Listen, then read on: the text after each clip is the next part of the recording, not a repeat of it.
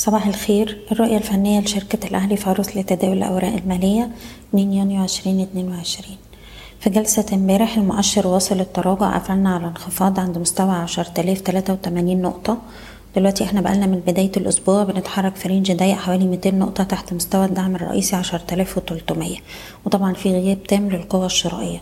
طول ما إحنا تحت المستوى ده معرضين إن إحنا نشوف مزيد من الانخفاض وهيكون الدعم التالي عند ال 10000 و 9800 الصورة الأكبر إحنا بنتحرك في رينج عرضي على مدار آخر سنتين والحد السفلي بتاع الحركة العرضية ما بين تلاف والتسعة تلاف وتمنمية.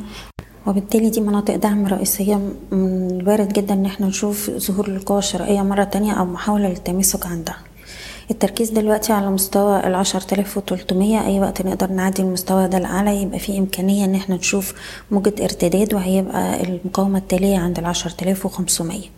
في نفس الوقت أي ارتداد في الوقت الحالي بنتعامل معاه على إنه فرص لتخفيض المراكز حتى عودة القوى الشرائية بشكل منتظم. بالنسبة للأسهم نبدأ بالمجموعة المالية هرمسة هيبقى لها جلستين بتقفل تحت مستوى الدعم الهام 14 ونص وده مستوى إيقاف الخسائر. وبالتالي استمرار التداول أسفل المستوى ده هيكون الدعم التالي عند ال 12 جنيه و80 قرش.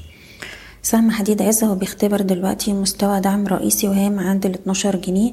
بنركز على المستوى ده مستوى إيقاف خسائر في حالة تأكيد كسره لأن مستوى الدعم التالي هيكون عند العشرة ونص. أقرب مستوى مقاومة دلوقتي عند التلاتاشر وربع وتلاتاشر ستين. وأخيرا سهم طلعت مصطفى الدعم الرئيسي بتاعه عند السبعة جنيه وستين قرش والارتداد يخليه يجرب على مستويات تمانية وربع تمانية خمسين ودي مناطق نستغلها للبيع. بشكركم بتمنى لكم التوفيق.